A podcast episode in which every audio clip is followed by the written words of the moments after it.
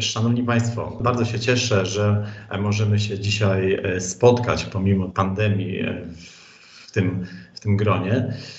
Na takim spotkaniu właściwie po latach, w 40. rocznicę łódzkiego strajku studenckiego. Zanim zaczniemy, chciałbym przedstawić naszych gości. Pani Gabriela Krause. Dzień dobry. Dzień dobry. Przedstawię Panią króciutko. Studentka Wydziału Prawa i Administracji Uniwersytetu w czasie strajku członkini Komisji Uczelnianej NZS-u Uniwersytetu Łódzkiego. Kolejna osoba, pan Piotr Kociołek, student w czasie strajku student Politechniki Łódzkiej, dokładniej Wydziału Architektury i Budownictwa, przewodniczący Komitetu Strajkowego na Politechnice Łódzkiej, a także członek Międzyuczelnianej Komisji Porozumiewawczej, która negocjowała z ministrem nauki Januszem Górskim, a także współtwórca NZS-u na Politechnice Łódzkiej. Dzień dobry. Witam, dzień dobry. I pan Ryszard Podladowski, w czasie strajku student filologii polskiej i filozofii na Uniwersytecie Łódzkim, członek Studenckiego Komitetu Jedności, sekretarz Międzyuczelnianej Komisji Porozumiewawczej i w czasie strajku też członek SZSP. Dzień dobry. Dzień dobry. Pierwsze pytanie chciałbym skierować do pani Gabrieli. Może zacznijmy tak właśnie lekko historycznie. Tak jak wspomniałem, pani zaczęła w 79 roku studia i chciałbym zapytać o ten powiedzmy pierwszy rok studiów. Jak, jak wyglądała atmosfera na uczelni w tym okresie, jeszcze przed Solidarnościowym? Gdybym mógł panią prosić o kilka słów komentarza właśnie w tym temacie. Z punktu widzenia studenta prawa pierwszego roku, to w zasadzie moje wspomnienia dotyczą e, głównie tego, że studia były dosyć absorbujące czasowo i organizacja życia studenckiego i e, domowego no, była też dosyć trudna, e, szczególnie, że no, nie, nie, nie, były to czasy łatwe w sensie i posiadania jakichś odpowiednich zasobów finansowych do, do studiowania i lokalowych. Także z takich y, ekonomicznych przyczyn myślę, że to było no, dosyć dla wszystkich y, no, wyzwanie y, trudne, pogodzenie samodzielnego życia, tak jak w moim przypadku, organizowanie go sobie i, i studiowanie które u nas na, na tym kierunku studiów ten pierwszy rok był dosyć wyczerpujący, więc y, życie studenckie jakby nie było y, związane z y, działań, działaniami przynajmniej na tym pierwszym roku, o, o aspekcie jakimś społeczno-politycznym, bo przynajmniej w moim przypadku no, życie takie codzienne plus y, dosyć wyczerpujące studia pochłaniały mnie w zasadzie całkowicie. Mhm. Rozumiem.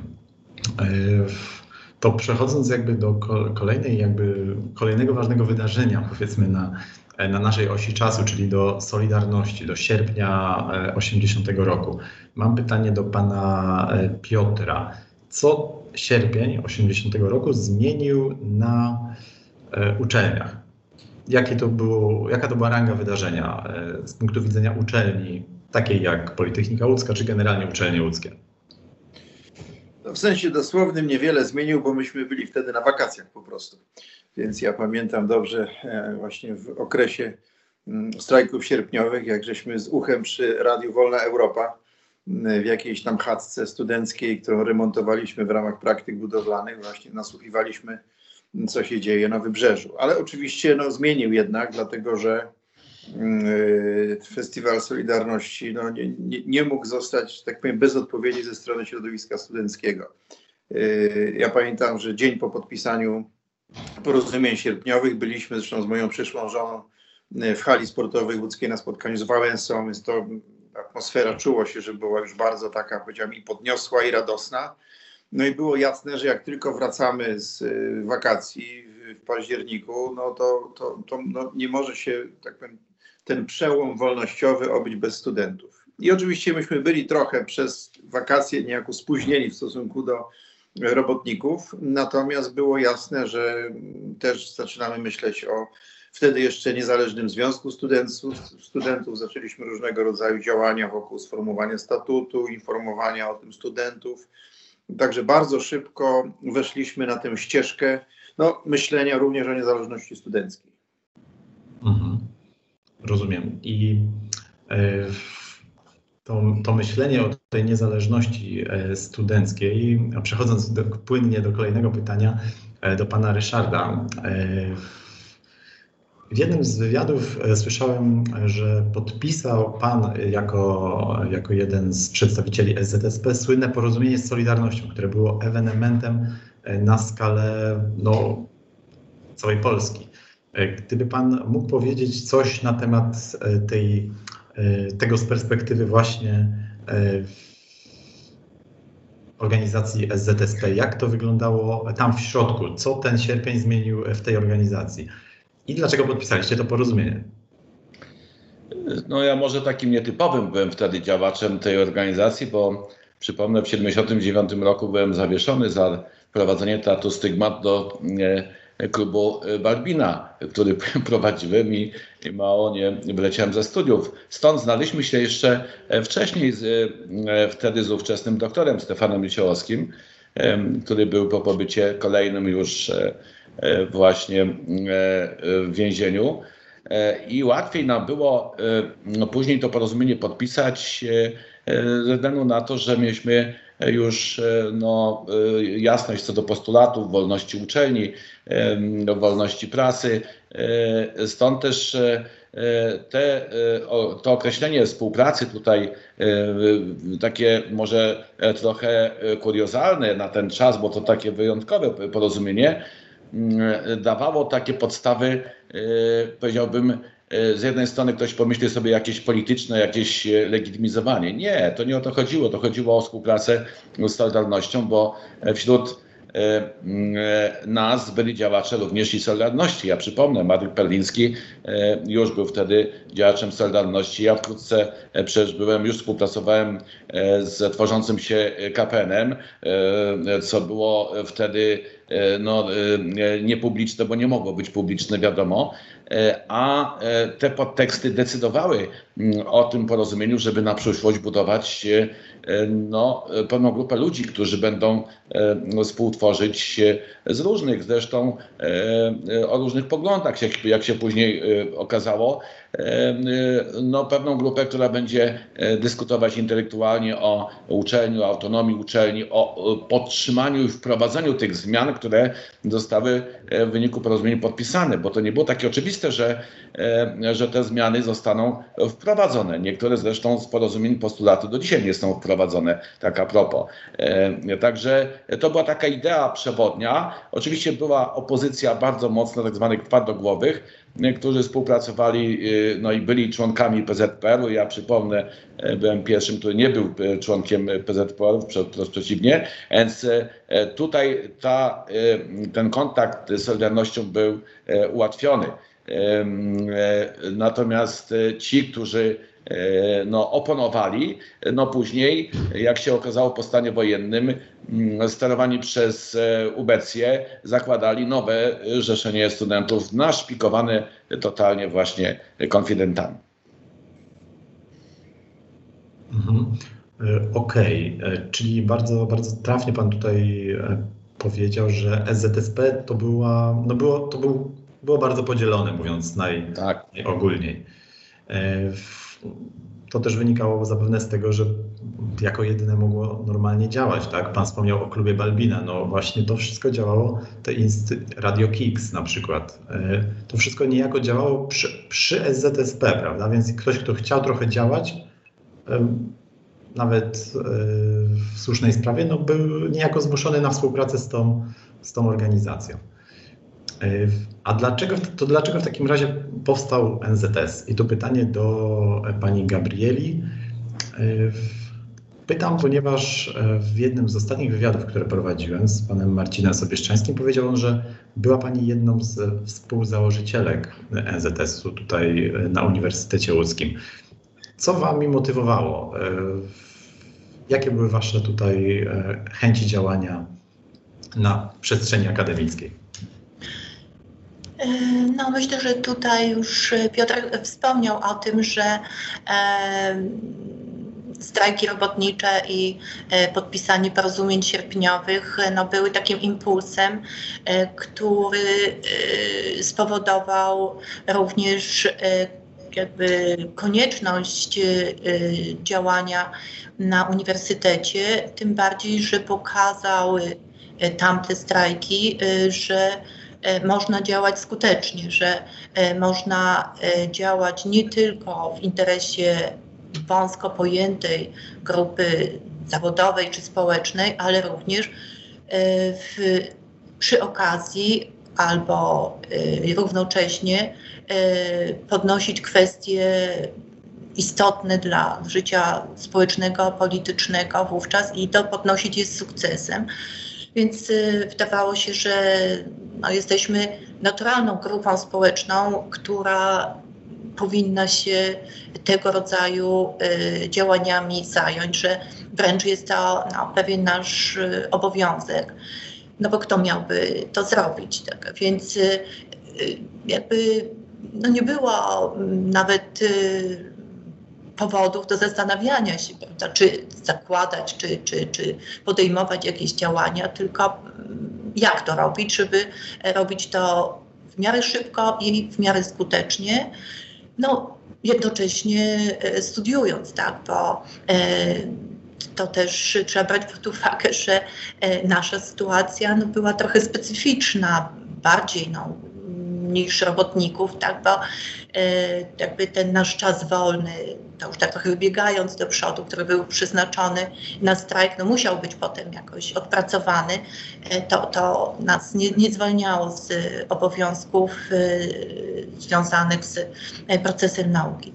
Czyli pytanie pana, co spowodowało, wszystko, tak, ogólna sytuacja. To, że zobaczyliśmy, że można, że inni to robią.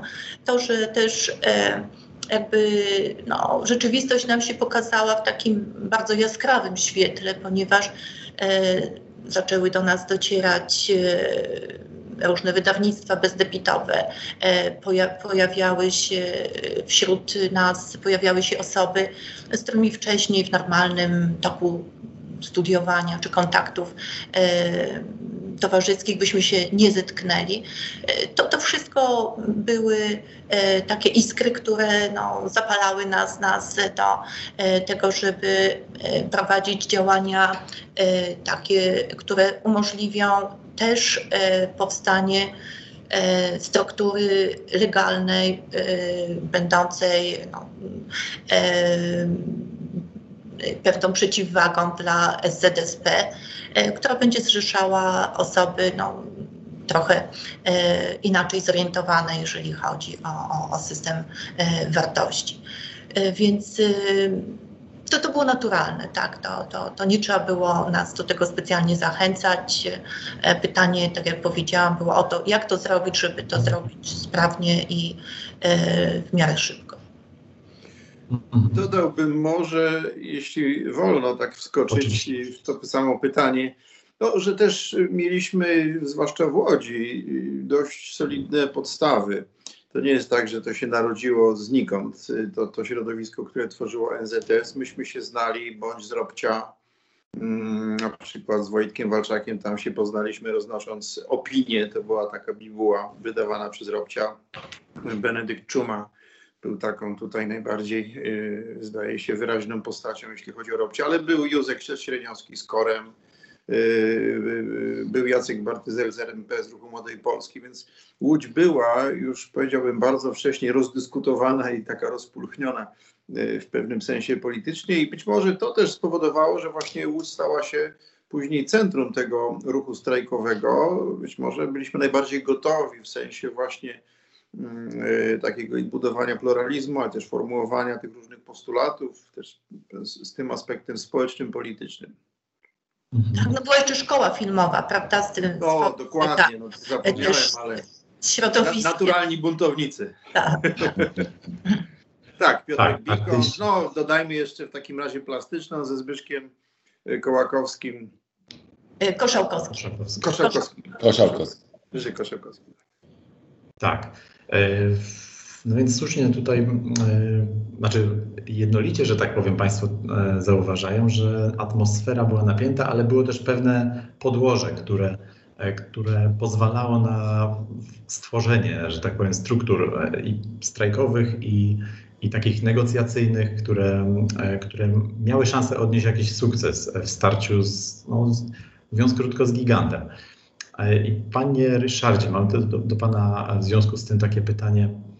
Mm, Bo mówiliśmy o tym, że było wiele iskier, e, które rozpalały, ale co przesądziło o tym, że albo która iskra była najsilniejsza, e, która spowo- spowodowała wybuch strajku, czyli już tego, tego bezpośredniego w styczniu 1981 roku, który, no, który skończył się 18 lutego.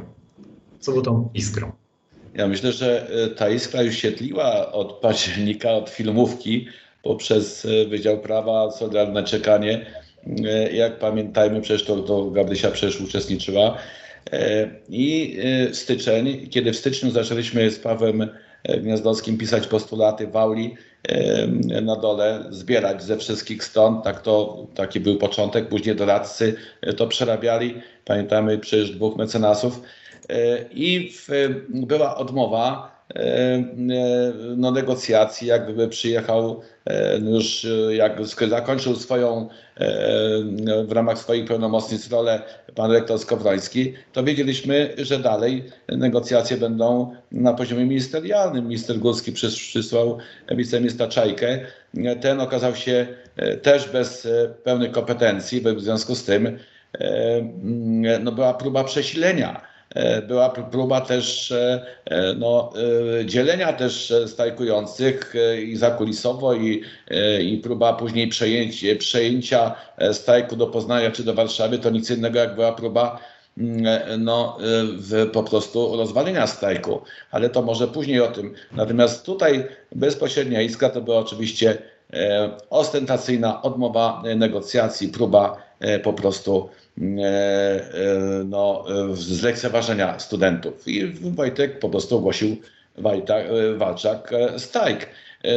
To naturalne przesilenie z tego piętrzenia się od października wszystkich spraw związanych z organizacją, tak jak Piotr powiedział, najpierw Niezależnego Związku, później Niezależnego Zrzeszenia, bo to zostało zdefiniowane później, no i późniejszych postulatów już w części z akademickiej i w części tak zwanej społecznej. Ja te postulaty i porozumienie przeglądałem sobie wczoraj tak na świeżo, żeby e, zobaczyć.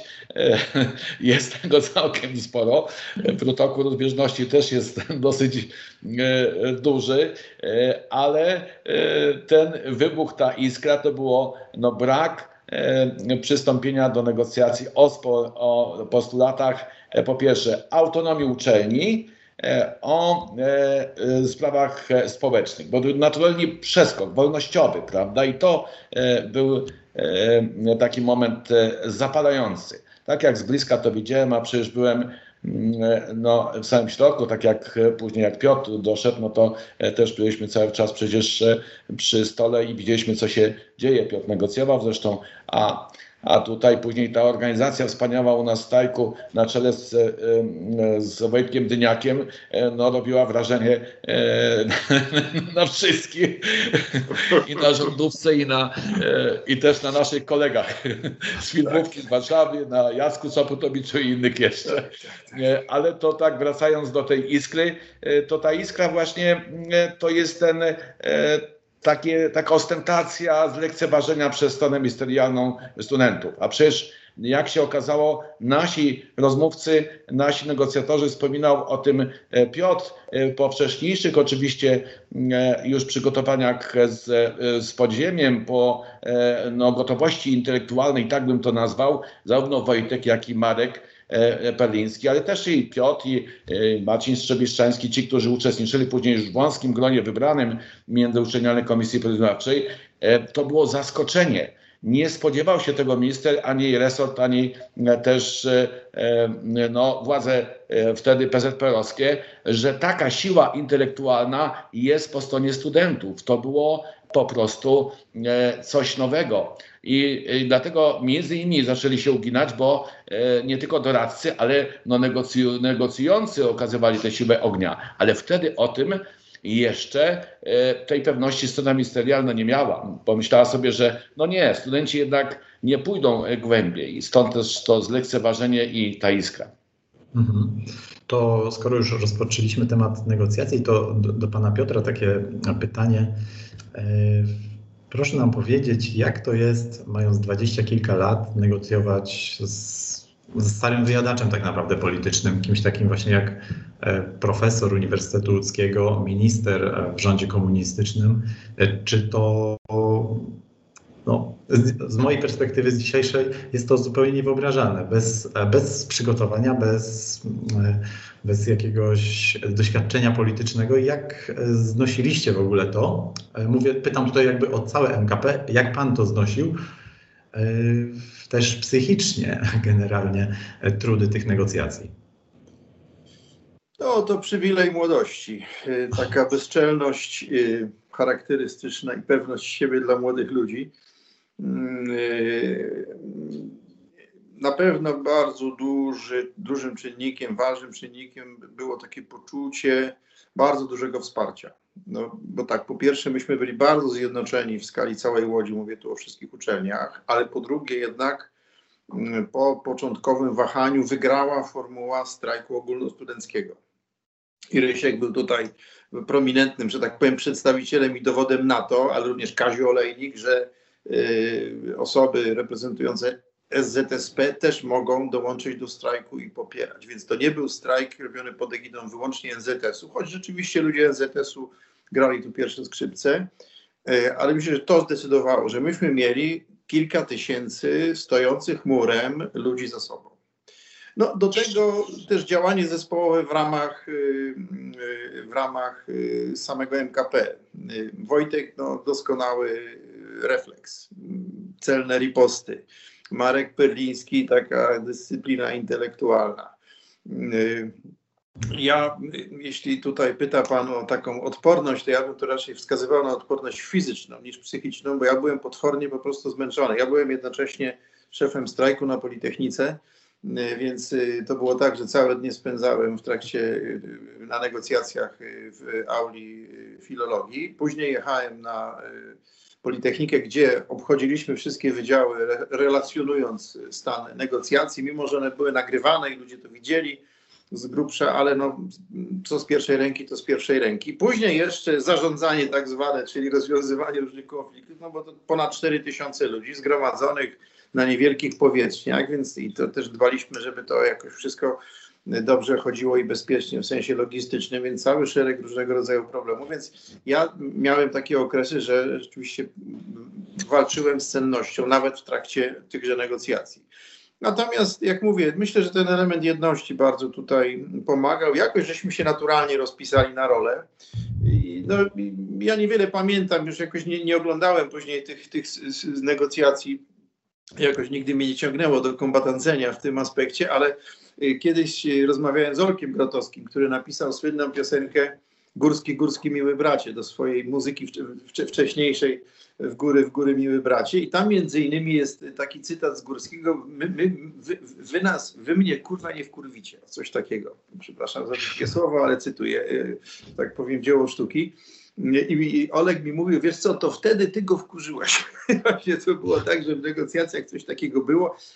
Chyba chodziło o to, że ja mu jakoś tak wytknąłem, że on zmienia poglądy, bo rzeczywiście był taki jakiś moment, więc on powiedział, że, że tak, że, że, tylko krowa nie zmienia poglądów i później właśnie coś takiego. Więc podaję to jako przykład, że no myśmy nie mieli żadnych kompleksów. Myśmy nie mieli absolutnie mm, respektu. Mm, pamiętajmy, że myśmy byli już tymi, którzy latali z opaskami biało-czerwonymi na swetrach, którzy nie wpuszczali rektorów y, bez okazania się naszym strażakom, strażnikom przy, przy, przy wejściach, więc no jednak to, to też był pewien efekt, wydaje się, zrywu solidarnościowego, że myśmy widzieli, że można tej władzy po prostu asertywnie spojrzeć w oczy. A też jednak trzeba sobie powiedzieć, precedens sierpnia powodował, że myśmy się czuli dość bezpiecznie. To znaczy, oczywiście, cały czas żyliśmy no, z taką niepewnością, czy, czy nie zdecydują się naruszyć autonomii uczelni, czy nie wprowadzą milicji. Bardzo się bali o to włodarze, tak, rektorzy, pracownicy, profesorowie, ale nam się wydawało po sierpniu, że to jest mało realny scenariusz. Być może również to dodawało no właśnie, pewnej odwagi i, i, i asertywności w stawaniu wobec nich.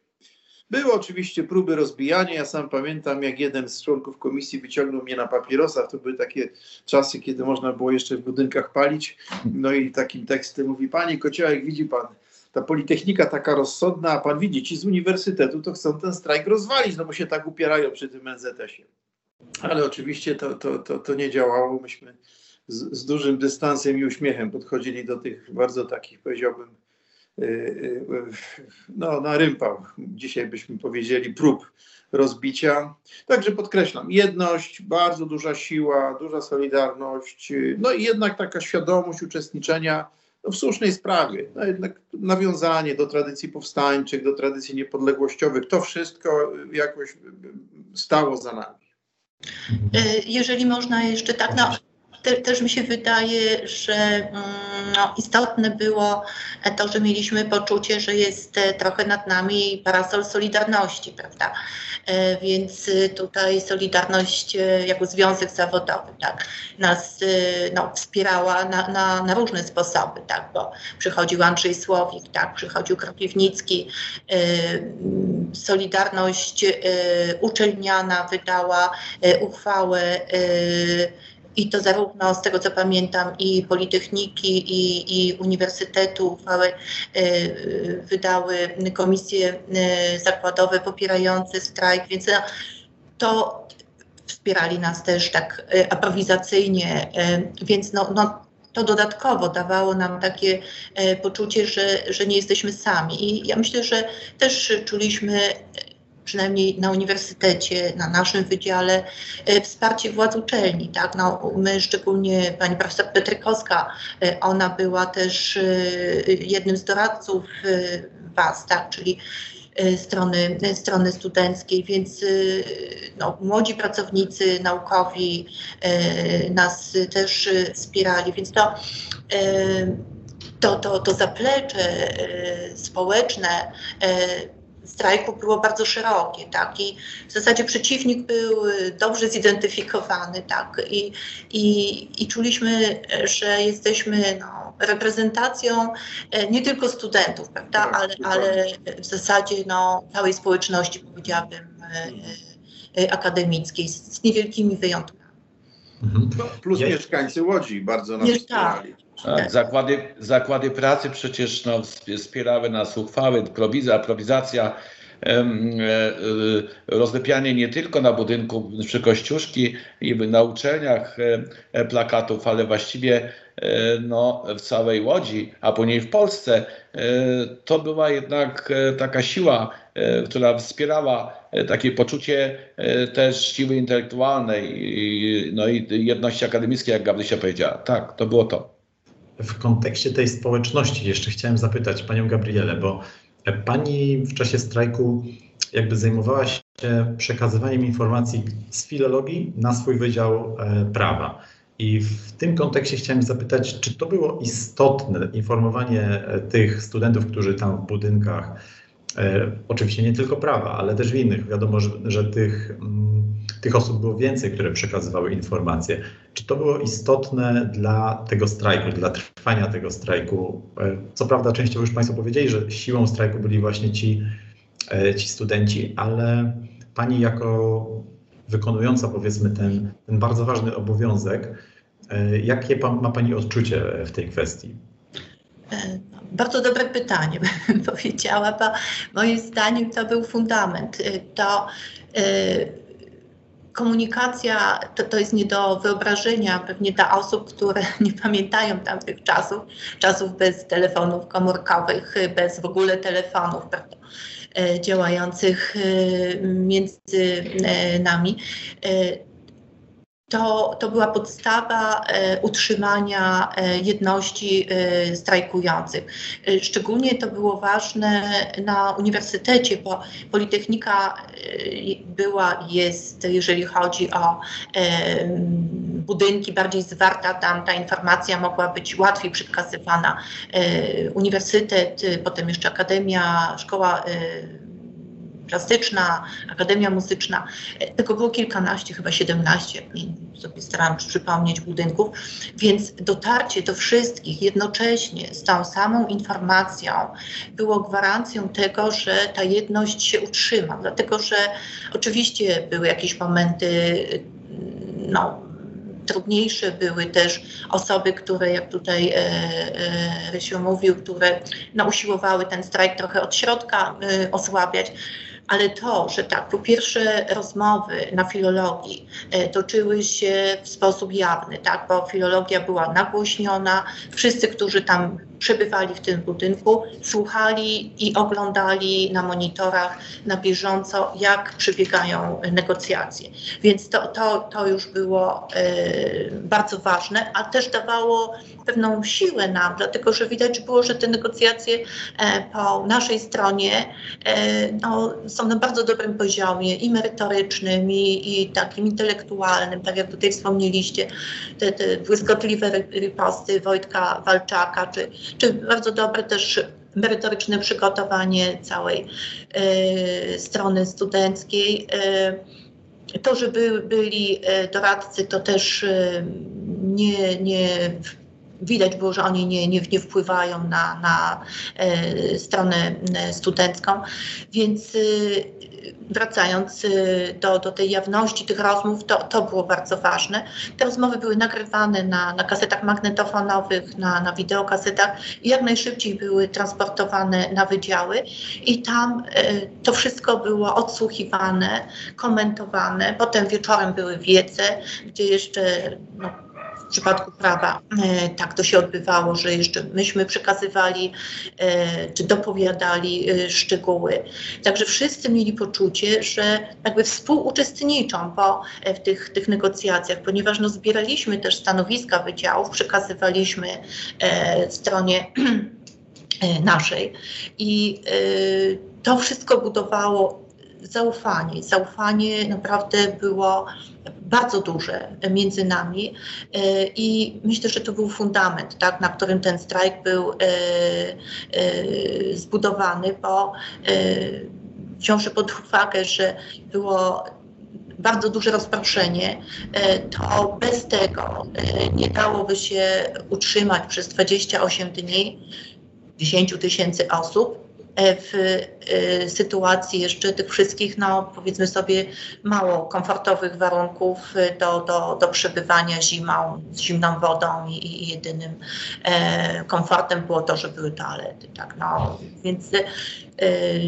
wracając do Pana pytania, uważam, że to, no oprócz oczywiście bardzo dobrych przedstawicieli w naszej, po naszej stronie, to, to, to był fundament powodzenia. I to też spowodowało, że jakby te wewnętrzne napięcia, tak, no jakieś tam się pojawiały, tak, czy, czy, czy umierać za NZS, czy nie, e, to, to, to wszystko e, było możliwe do dyskutowania na bieżąco i do przekazywania na bieżąco własnego stanowiska. Ja dopowiem może, że to, co Gabrysia powiedziała, to ograniczało ta jawność taka właśnie przez publikatory, przez nagrania i y, bieżące konsultowanie i przekazywanie informacji, e, ograniczało władzy e, możliwości manipulacji informacją i rozgrywania e, ludzi, czy to samej komisji tak. negocjującej, czy też no, grup poszczególnych. To była bardzo no, ważna sprawa. Przekaz na bieżąco i później no, ta dyskusja, te wiece, o których była mowa. Mhm. To ja tak jeszcze dodam na marginesie, że ponieważ jako muzeum przygotowaliśmy wystawę na temat strajku i bardzo długo debatowaliśmy na temat tytułu tej wystawy i w końcu zdecydowaliśmy się na to, żeby ona przybrała tytuł By przestała być sloganem demokracja. E, I tytuł oczywiście jest to strajk e, studentów łódzkich w 1981 roku. Myślę właśnie, że to się troszeczkę, ten tytuł się podpisuje pod tym, co e, pani Gabriela i pan Ryszard właśnie powiedzieli, że no, ja z pewnym podziwem, powiem to z takiej perspektywy 29-latka, z pewnym podziwem patrzę, patrz, patrzę na dokumenty, na zdjęcia z wieców studenckich właśnie z tamtego okresu. Z podziwem, ponieważ wśród mojego pokolenia tego, tego entuzjazmu nie widać. Oczywiście to, to jest inna sytuacja jakby polityczna, mam tego pełną świadomość, ale i tak Wyczerpaliśmy limit na wiele pokoleń, też tak myślę. Zgadza się. Zgadza się. No, trzeba sobie powiedzieć, że nasz entuzjazm też się stosunkowo szybko wypalił, dlatego że jednak w tych postulatach były takie, które no, domagały się później wypełnienia również z naszej strony. No, słynny postulat jednej trzeciej studentów w Senacie. Dość szybko przyszedł czas, kiedy mieliśmy problem z nastarczeniem prostu chętnych do tego, żeby uczestniczyli, czasami w bardzo, powiedziałbym, żmudnych, nudnawych posiedzeniach Senatu. Więc to skonsumowanie uzyskanej demokracji, wolności nie było wcale takie oczywiste. A i na koniec, no, przyznam się, że był moment, y, koniec stanu wojennego, kiedy y, kolejnymi jakimiś decyzjami władza w ogóle odwróciła bieg wydarzeń i, i zaprzeczyła E, większości postanowień porozumień łódzkich. Myśmy próbowali skrzyknąć się i napisać list protestacyjny w tej sprawie i ostatecznie no, znalazło się dwóch sygnatariuszy, tak, dlatego że no właśnie reszta już poszła w życie, nabrała trochę innej perspektywy, także ostatecznie, także ostatecznie myśmy tylko z Wojtkiem Walczakiem, Walczakiem podpisali ten list i go porozsyłali do wszystkich świętych, który zresztą tam nie odniósł prawdopodobnie żadnego realnego wpływu.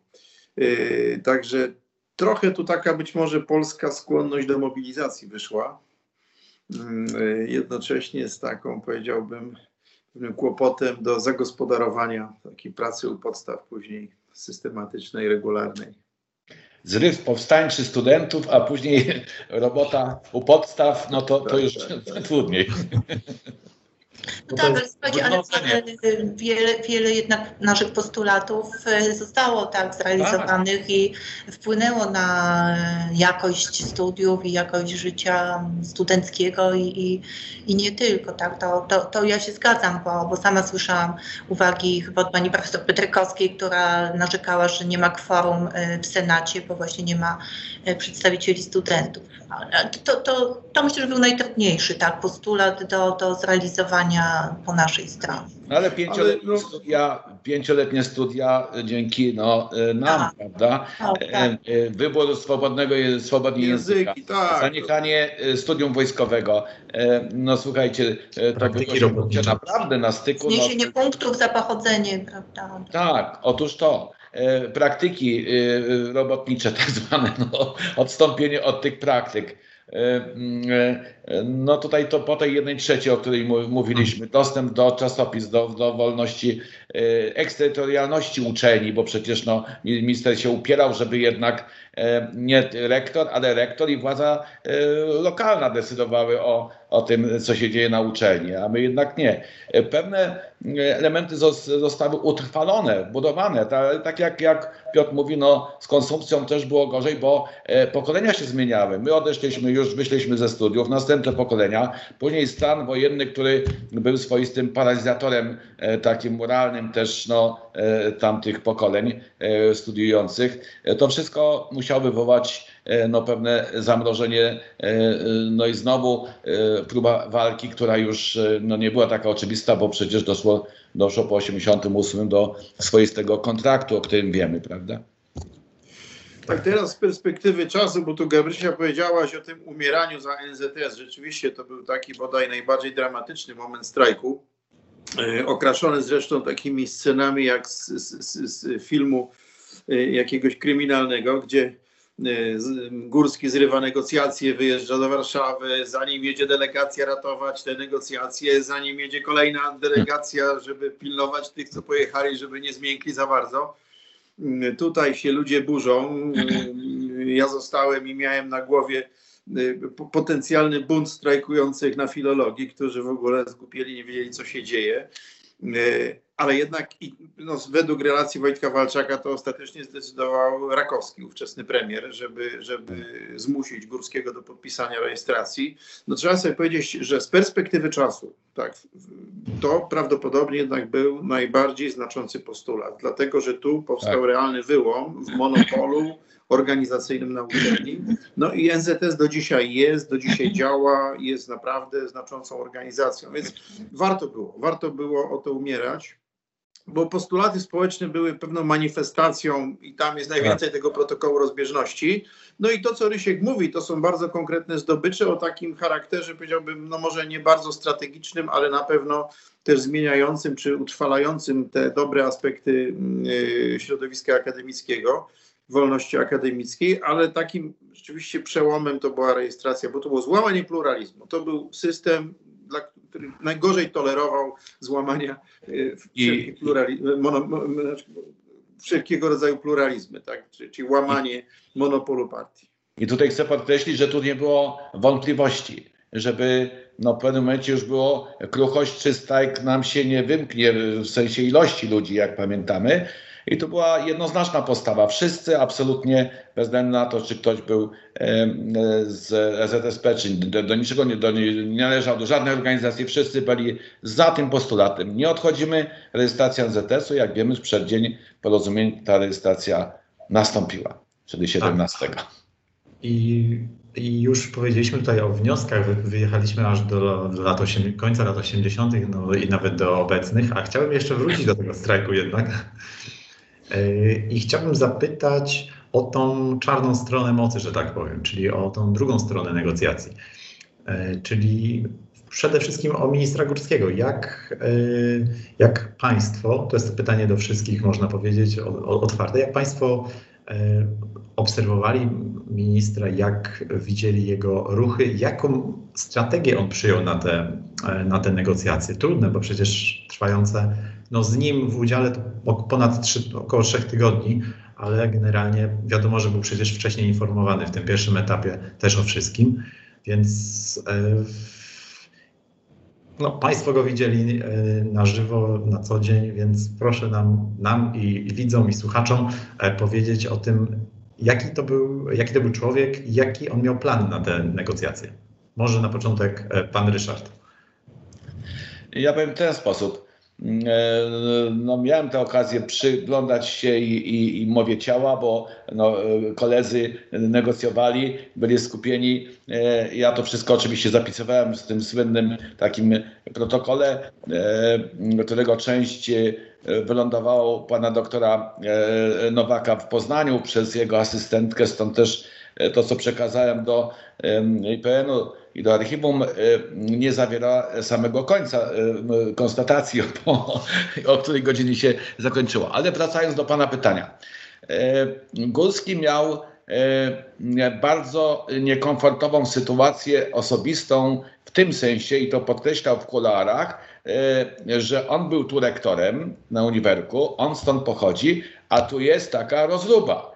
I e, e, no, naraz on jest ministrem i wiedział, wiedział co go czeka, jeśli e, no, on się zgodzi na wszystko, czyli no, pożegna się ze stołkiem ministra. To było w tle widać. Wcześniej był uważany przez pracowników naukowych za człowieka mm, takiego do rozmowy, do, do dialogu, ale z nami on wcale nie, takiej postawy nie, nie, nie prezentował. To był bardzo e, naburmuszony, buńczuczny e, facet, który no, próbował różnymi socjotechnicznymi tutaj próbami nas no, albo gdzieś na bok odstawić, albo tutaj manipulować, że to jest niekompetentny, że to musi Rada Ministrów, że to musi Sejm, że on się zwróci do ustawy. Bez przerwy to było zastawianie się prawem i procedurami no, legislacyjnymi, co zresztą trudno się dziwić, ale to było nadużywane, bardzo nadużywane. Wypuszczał też no, swoich, w cudzysłowie mówię, wypuszczał z no, towarzyszących jemu ludzi, a to pan dyrektor Stempelski, a to pani dyrektor, już nie, nie pamiętam jak ona się nazywała, taka... Wróbel. Wróbel. O, Wróbel, właśnie. Chciałem powiedzieć taka ładna blondyna, no bo, bo, bo rzeczywiście atrakcyjna pani siedziała po drugiej stronie, no to oni na zmianę to robili, bo Czajka, wiceminister, no powiedzmy, no był bardzo w takim, no ja powiedziałbym bardziej prokuratorem, wysłuchującym niż negocjatorem. Tam nie było siły ognia, jeśli chodzi o negocjatorów. Był generał Jasiński, E, e, który no, jako wojskowy nie potrafił negocjować. To, no, który wojskowy potrafi negocjować? No słuchajcie, no to jest, e, to jest w ogóle pytanie. Natomiast sam Górski no, próbował grać na paru klawiszach fortepianu, ale paru, nie na całym zestawie, nie na trzech oktawach, bo tył, tyłu nie miał. I dlatego stąd jego agresja, stąd jego taka wola no, rozgrywania E, nas e, przerwami, a to jadę, skonsultuję, wyjeżdżam, przerywam, a może się załamią, bo jak przerwę, wyjadę, no to, to może jednak coś, coś, jakiś akcent to przybierze, e, tu pójdzie coś w prasie. Jedno natomiast zauważyłem, że bał się tej jawności, że nie mógł manipulować społecznością akademicką tam obecną, to co mówiliśmy wcześniej. I to, że było to nagrywane, E, e, i pokazywane, e, to jak gdyby no, determinowało późniejsze jego zachowanie, że on pod wpływem już na koniec Rakowskiego, ale nie tylko, on zaczął kapitulować. Natomiast był nieprzyjemny, był po prostu agresywny. Taka, był, taki był mój odbiór. To nie była intelektualna rozmowa z nim, bo był to inny zgoła człowiek, jak mówiono w kolarach, choćby rektor Skowroński, że on jest takim, no, takim partnerem. Nie on nie był partnerem, on był tutaj traktującym nas z góry. Nie wiem, jak Piotr to odczuł, e, czy Gabrysia, ale takie jest moje zdanie. Pani Gabrielo, pani e, niejako obserwowała. Piotr ma więcej do powiedzenia. Ja, ja bym tylko powiedziała tak, że. E, dla niego, byłego rektora, ministra, e, rola negocjatora ze studentami e, no, musiała być w pewien sposób upokarzająca, prawda? Mhm. I jeszcze przy jego cechach osobowościowych, bo on był takim, taką osobowością nie, nie miał takiej lekkości w sobie, prawda? To, to, to wszystko było takie do przywidzenia. To, to, to był taki typowy no, urzędnik ministerialny, e, przyzwyczajony do e, tego, że wszyscy go słuchają, boją się i wykonują jego polecenia. I, i on się, nie, nie mógł się do końca chyba odnaleźć w tej roli. Nie wiem, czy pamiętacie jeszcze e, przy podpisywaniu, to, tam chodziło o tą kwestię krzyża, prawda, że e, cały czas siedział pod tym tym krzyż mu nie przeszkadzał, nagle podpisywanie tego porozumienia, trzeba było stolik przesuwać. Także y, no, widać było, że, że nie radzi sobie z tą sytuacją, a, a myślę, że jego y, właśnie taki y, no, brak umiejętności takiej lekkiej komunikacji, a po drugiej stronie miał żywioł, prawda, lekkość, błyskotliwość, więc, więc e, wyszedł z tego starcia ośmieszony, tak, no, e, te, te jego różne bonmoty były często powtarzane, były, były na, na, na, na plakatach, na, na filologii. Myślę, że e, Ministerstwo no, w jego osobie pokazało taką niemiłą y, urzędniczą y, twarz, która y, nie potrafi rozmawiać. Tak?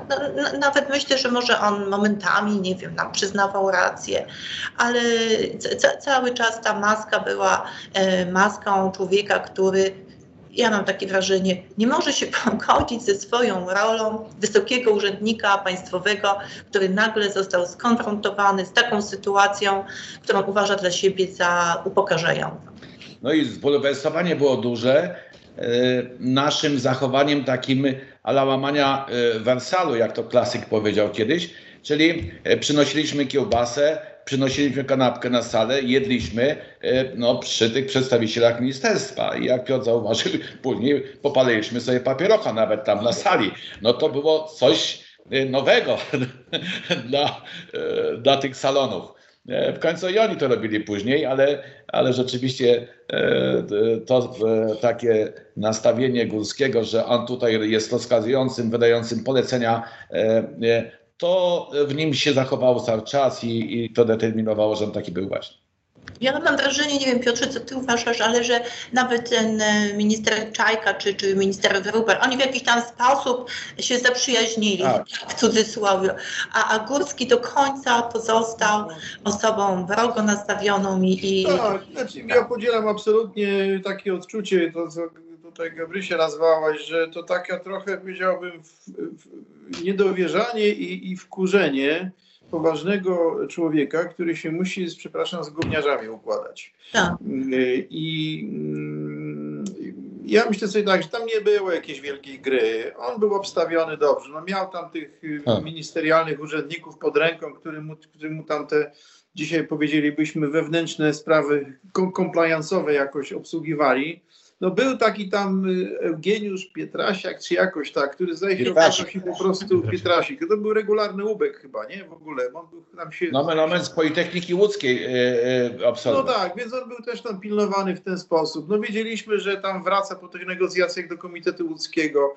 On był raczej postrzegany jako jednak raczej jastrząb, powiedziałbym, jeżeli mówimy o nomenklaturze jastrzębiej tak. gołębie, więc raczej twardy kierunek musiał się układać. No, trzeba sobie powiedzieć tak, że oni mieli jednak pewien komfort precedensu porozumień sierpniowych. Znaczy tak. wiedzieli, jak daleko poszła władza y, w sierpniu, więc też wiedzieli, że no powiedzmy, nawet układając się z nami, nawet akceptując y, podpisanie y, rejestracji NZS-u, no oni nie idą dalej, tak, nie są, nie idą dalej niż Jagielski poszedł w Gdańsku. Więc było to wszystko w pewnej konwencji, ale dla mnie taki, jeśli mówimy o pewnej osobowościowym aspekcie, taki diagnostyczny było spotkanie parę lat później w radiu studenckim. Zaprosili nas do chyba Żaka i tam ja coś mówiłem, Górski coś mówił i myśmy w kuluarach mieli chwilę takiego kontaktu. No muszę powiedzieć, że to zwykle jest tak, że jak wychodzi się z pewnych ról, w których nas obsadza życie, no to jakby mhm. nabieramy pewnego dystansu, puszczamy trochę ocho. Właśnie był taki element powinien być uśmiechu czy jakiegoś zagadania. Natomiast miałem wrażenie, że on wręcz jakby osobista uraza wobec mnie, prawda? Który owszem, no, w wywiadzie powtórzyłem pewne tezy, naszą perspektywę, tak? Ale widać było, że on się czuje jakby do głębi urażony tak po ludzku, że on musi z takimi młodziakami y, y, rozmawiać o pewnym protokole rozbieżności oceny rzeczywistości. No, trzeba też pamiętać, że on dosyć szybko po tym przestał być ministrem. On w tym samym roku, bodajże w lipcu, już utracił stanowisko. Niejako pewnie strajk był tutaj jednym z głównych powodów, albo przynajmniej, e, może nie decydujący, bo to nie wiadomo, ale, ale na pewno jednym z poważnych powodów, e, które zdecydowały tutaj o tym, przechyliły szale. E, ja myślę, że szykowano już stan wojenny i, i, i to kadry były inne potrzeby. Chyba o to chodziło. Tak, no całkiem możliwe, całkiem możliwe, że to, to, to też było już brane pod uwagę. Natomiast jeszcze chciałbym zapytać Państwa też wszystkich, no bo tutaj jakby ja rozmawiając z moimi rówieśnikami często e, opowiadam o strajku, mówię im właśnie o NZS-ie, o SZSP i nie są za bardzo w stanie zrozumieć, jak to jest możliwe, że w e, komunistycznym systemie organizacja, e, która powinna teoretycznie służyć partii, mówię tutaj o SZSP, stanęła po stronie studentów, wzięła udział w strajku i aktywnie właściwie do końca, e, oczywiście były kryzysy, ale, ale do końca jednak wytrwała. I chciałbym tutaj zapytać, no mamy w naszym gronie członków zarówno z NZS-u, jak i z SZSP, ale mam mimo wszystko wrażenie, że są oni bardzo blisko siebie ideowo. Chciałbym zapytać o, o to, jaka była atmosfera tamtego czasu? Czy te podziały, ta linia podziału SZSP, NZS, to było coś wyraźnego, czy, czy nie? Czy, I czy może były jakieś, jakieś incydenty, próby E, rozwalania tego strajku. To jest właśnie ten moment, kiedy właśnie pytam o, te, o, o to rozwalanie strajku ewentualne. Może teraz pan Piotr, bo tutaj już... Można, ja bym tu rozdzielił trochę dwie rzeczy, bo NZS przed strajkiem, czy SZSP przed strajkiem to było co innego trochę niż SZSP w trakcie strajku. Przed strajkiem, mimo wszystko, była to ekspozytura partii i oczywiście w zakresie działalności takiej, y, powiedzieliśmy, bratniakowskiej, y, czysto studenckiej, życie towarzyskie, życie sportowe, turystyczne, y, kluby i tak dalej, no, nie było gdzie indziej się afiliować. Tam był budżet, tam można było to realizować. Ja też przyznam się, że miałem krótki epizod z, ZSP, zachęcony zresztą przez redaktora z jednych z katolickich pism, że uważa, że trzeba wchodzić w struktury. Tylko ja no, z hukiem wystąpiłem po tym, jak próbowałem bezskutecznie trzykrotnie zawiesić informacje o rekolekcjach akademickich w naszej y, gablocie i trzy razy y, kolega, który był jednocześnie w partii w ZSP, to zdejmował. Prawda? I ostatecznie powiedziałem, że w takim razie ideowo nie ma dla mnie tu miejsca. Natomiast kiedy przyszedł strajk, no trzeba sobie powiedzieć tak, że nastroje były tak jednoznacznie prosolidarnościowe, prowolnościowe, że gdyby koledzy z ZSP chcieli na serio trzymać y, stronę partii, to po prostu by zostali wywiezieni na taczkach. I to był czas, który zweryfikował brutalnie, kto w tym SZSP pozostał ze względów społecznikowskich, tak jak zakładam Rysiek, prawda, który po prostu chciał działać i to dawało naturalną materię do działania, a kto był jakimś, przepraszam za brzydkie określenie, kryptokomuchem, czy wręcz nie krypto, tylko komuchem, kto w imieniu partii próbował studentów trzymać za buzię. Prawda? I okazało się, że tych drugich jest niedużo. Oni musieli zrobić krok do tyłu. Część z nich była agenturą, i, I, doszli do głosu ci, którzy, i tych większość była, którzy byli w ZSP po prostu dlatego, że mieli ten bakcyl społecznego działania, chcieli gdzieś działać i to była jedyna struktura, w ramach której można było to robić. Panie Ryszardzie? Ja myślę, że Piotr ma dobrą diagnozę trafną, bo to tak było, bo tutaj no, EZSP było pewną, pewnym rodzajem przybudówki. Pamiętajmy, że tam była duża część nomenklatury, która później no, awansowała na różne stołki w partii, prawda, po, po, po swoich drabinkach. E, to było wpisane jak gdyby. Natomiast tutaj E, zryw społeczny i e, wcześniejsze jeszcze doświadczenia w samym ZSP tutaj e, w Łodzi były takie, że na przykład no, z Jankiem Olczykiem robiliśmy spotkania, doświadczenia przyszłość z, z taką grupą skupioną wokół Stefana Bratkowskiego. Ja robię spotkania w ramach klubu z, no, z filmami, niekoniecznie z oficjalnego biegu, a więc no, z dziennikarzami, Również tutaj z tą grupą, jak mówiłem, związaną z Wędrychowskim czy z Józkiem e, Sieniowskim. E, no, później jeszcze Stefan doszedł. No to, e, to były no, rok, dwa przed no. To część tych osób była w jakiś sposób nam przygotowana, ale później się okazało, że główna część e, no, tych figur z EZSP funkcyjnych, namaszczona przez, przez partyjnych działaczy, wcześniej przed strajkiem, jak Piotr zauważył, to była, ludzi, to była no, przyszła jakaś kadra partyjna, czy też no, ubecka jeszcze inna. Natomiast większość, zdecydowana większość tak jak e, ja i jeszcze no, e, inni, okazało się, że e, czuła ten nut solidarnościowy, że chodziło o wolność, chodziło o, o pracę społeczną, o, o, o, kulturę. Przecież nie zapominajmy, że były no, świetne teatry studenckie, które wcale nie były takie no, prokomunistyczne, nie wszystkie przynajmniej. Były też DKF-y, dyskusyjne kluby filmowe, gdzie no, dyskutowało się naprawdę na różne tematy. Były też e, no, JAPA, Festiwal Piosenki na Politechnice, który też dawał jakiś asumpt e, do, do, do pewnych idei, e, że no, plastyczne różne również działania. Pamiętajmy o tym, że w 1979 roku była konstrukcja w procesie za komuny, co było wydarzeniem bardzo ważnym, kulturowym. Przypomnę, rzeźby i nie tylko dyskusje zorganizowane dziś przez filmówkę i przez ASP to e, nadawało pewien, e, pewne podwaliny dla tych ludzi, którzy e, wyszli, tak jak Grzesiek Rudziński na przykład z teatru Pstrąg, czy z późniejszej cytryny, weszli w ten nurt większościowy w ZSP właściwie, no już tak naprawdę jakby przeszli do NZS-u, to nic nie byłoby dziwnego. Tak było z Wojtkiem, z Wojtkiem Dyniakiem, przecież też by zaczynał w ZSP. No przeszedł jednoznacznie, ale próby były, jak pan zauważył, tej części grupy E, właśnie mm, tych związanych tam z komitetem, e, tam gdzie ten Pietrasik biegał, e, gdzie ponoć niektórzy biegali do hotelu po przekątnej, bo to jak ja mówiłem w wywiadzie w tej książce, znałem te relacje od profesora Pawła Chmielewskiego, który był w Moskwie wtedy podczas naszego strajku studenckiego, to po latach mi to opowiadał, profesor historii, już nie żyjący, że była ekspozytura Światowidzie e, właśnie no, e, służb specjalnych KGB i oni wcześniej wiedzieli, co się dzieje z podsłuchów niż strona e, polska, tak, w sensie relacji. I to, to było zadziwiające. Taki komunikat został przekazany mu w Moskwie przez wiceszefa komsomołu.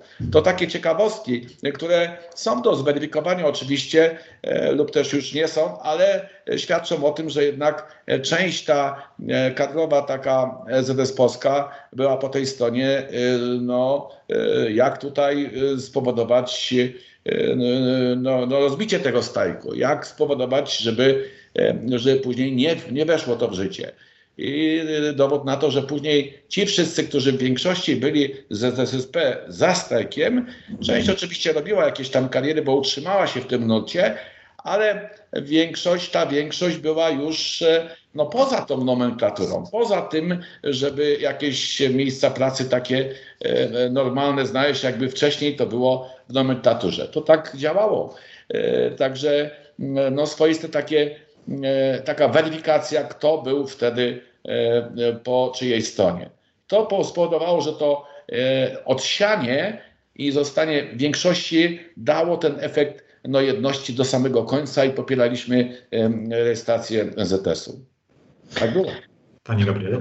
Tak, jeżeli jeszcze można coś dodać, zgadzając się z tym wszystkim, co, co, co powiedzieliście, to y, ja, no, będąc y, też osobą, która obserwowała zachowania u mnie na wydziale, wszystkich, którzy, z którymi razem strajkowałam, to bym powiedziała, że jakby to, nie, to nie była istota tak, te, te, tego, co się działo na strajku. Prawda? Ten, y, to, co było tym duchem strajku, to była jakaś taka y, coraz większe poczucie pewnej wspólnoty, którą tworzyliśmy. Prawda? I, i na, t, tak jak mówiłeś, y, Rysiu, że to kadrowi działacze SZSP y, mieli y, swoje interesy. Tak jak można powiedzieć też, u nas y, OKZ tak na początku bardzo źle przyjął informację, że strajk będzie wspólnym strajkiem studentów NZS-u, SZSP, tak. Ale jak powiedziała, że mądrość zbiorowa nasza e, mówiła nam, że, że wyrok jest gdzie indziej i walczymy o coś innego i że dopóki będziemy walczyć razem, to y, będziemy y, siłą, z którą będą musieli się liczyć. Gdyby się okazało, że jesteśmy tylko strajkującą częścią wspierającą NZS, minister by nam to szybko wyciągnął. By powiedział, że nie reprezentujecie przecież całego środowiska, prawda? Tak. Reprezentujecie tam e, pewien, pewien odłam, tak? A, a to, że byliśmy my, powiedzmy, no, osoby, które sympatyzowały, były członkami, sympatyzowały będąc niezrzeszonymi z NZS, myślę, że były w większości, ale y, osoby, które były w SCDSP miały y, pewne zaplecze organizacyjne, tak, y, które u nas na wydziale, no, Mirek Kołakowski, który prawda, bardzo y, nam pomagał, będąc jednocześnie y, członkiem czy, czy przewodniczącym Rady Osiedla, tak, więc, tak. więc te, te, kwestie aprowizacyjne, tak? To, to, to, wszystko było takim dużym y, wsparciem dla, dla strajkujących, ale ja myślę, że ten, to pan, panie Marcinie, też pyta jako przedstawiciel obecnych czasów, prawda? czasów, gdzie podziały są głębokie, nie wiem, są jakieś rowy tektoniczne, prawda, w porównaniu z tym, co nas dzieliło na, na, na strajku, tak? Bo jak się z kimś przez 28 dni, tak, e, myje w, w, tej, w, tej, w tej samej toalecie, tak, je się to samo jedzenie, śpi się na stołach w, w jednym pomieszczeniu. Tak, to, to, naprawdę to, to, już jest wszystko jedno, czy on jest z ZSP, czy on jest z NZS, czy on jest wierzący, czy on jest niewierzący, prawda? No, jakby weryfikacja tak jest, jest gdzie indziej, tak, że nie, mo nie można udawać nikogoś innego, e, bo, bo ten strajk to ciągłe przebywanie, przecież nie mogli stamtąd wychodzić, tak, więc to, e, to, to nie można było nikogo udawać, tak, to, to, to jakby wszyscy wszystkich zweryfikowali i uznaliśmy, że jesteśmy osobami, z którymi e, czujemy solidarność, czujemy wspólnotę i, i, z którymi walczymy o rzeczy ważniejsze niż to, że jedni są SCDSP, a drudzy z NZS-u, jedni wierzący, drudzy niewierzący. Były msze, wszyscy chodziliśmy na te msze, nawet wierzący czy niewierzący. To, to, to, te, te podziały nie były tak ostre, tak? One, tak jak mówiłeś, dotyczyły kadr, tak? No, no do, do, doły, powiem, organizacyjne e, strajkowały i, i integrowały się niezależnie od tego, prawda, czy, czy no było, było też łatwiej. Wróg był tak jednoznaczny i tak jednoznacznie moralnie zły, że nie było wątpliwości, tak. że wszyscy, którzy się opowiadają po najlepszej stronie mocy, to Zresztą to wyszło później, kiedy myśmy się zaczęli dzielić. Tak dzisiaj jakby popatrzeć z kolei, jak jakie są losy polityczne pierwszego NZS-u, to są właśnie w każdym ugrupowaniu, można powiedzieć. Tak, ale, ale może jakąś taką właśnie wartością, którą byśmy przekazali oprócz tych naszych kombatanckich wspominek, to jest też to, że jednak jedność, tak, i, i nie szukanie podziałów, ale szukanie tego, co, co jest ważne i co jest łączące, to to jest droga do sukcesu, tak? Bo im bardziej się będziemy dzielić, tym, tym, tym gorzej dla nas, tym będziemy słabsi i tym będzie nam trudniej razem żyć. A mimo dopuszczaliśmy do pluralizmu, przecież no, powstanie ZS-u było takim dowodem no, pluralizmu swego rodzaju, prawda, Dokładnie. na uczelni, początkiem. I to było oczywiste, bo to było wyzwanie właśnie to e, e, takiego e, e, poczucia jedności. To prawda. Teraz, gdy będę ze swoimi znajomymi o tym dyskutował, to będę puszczał właśnie ten fragment. Także bardzo dziękuję za pomoc. Cieszę się. Szanowni Państwo, powoli kończąc, zmierzając do końca, e, ostatnie pytanie, myślę, że takie bardziej osobiste, bo pytam o 18 lutego 1981 roku, czyli o podpisanie tak zwanego porozumienia łódzkiego e, między studentami a profesorem Górskim, generalnie między całą komisją e, międzyresortową. Który zapis z tego porozumienia był dla Państwa, dla, dla, dla Pana, Pani e, najważniejszy? I może zaczniemy od Pani, od pani czyli od Pani Gabrieli. No tak, tu nie, nie, nie będę się długo zastanawiać. Na pewno rejestracja NZS-u tak była tym y, spełnionym postulatem, który był y, najwartościowszy w mojej ocenie w, y, ze wszystkich, ponieważ to, co mówiliście, tak, że pluralizm, że e, jednak złamanie e, przeciwnika, który musiał się zgodzić na, na, na to, co najmniej chętnie się zgodził.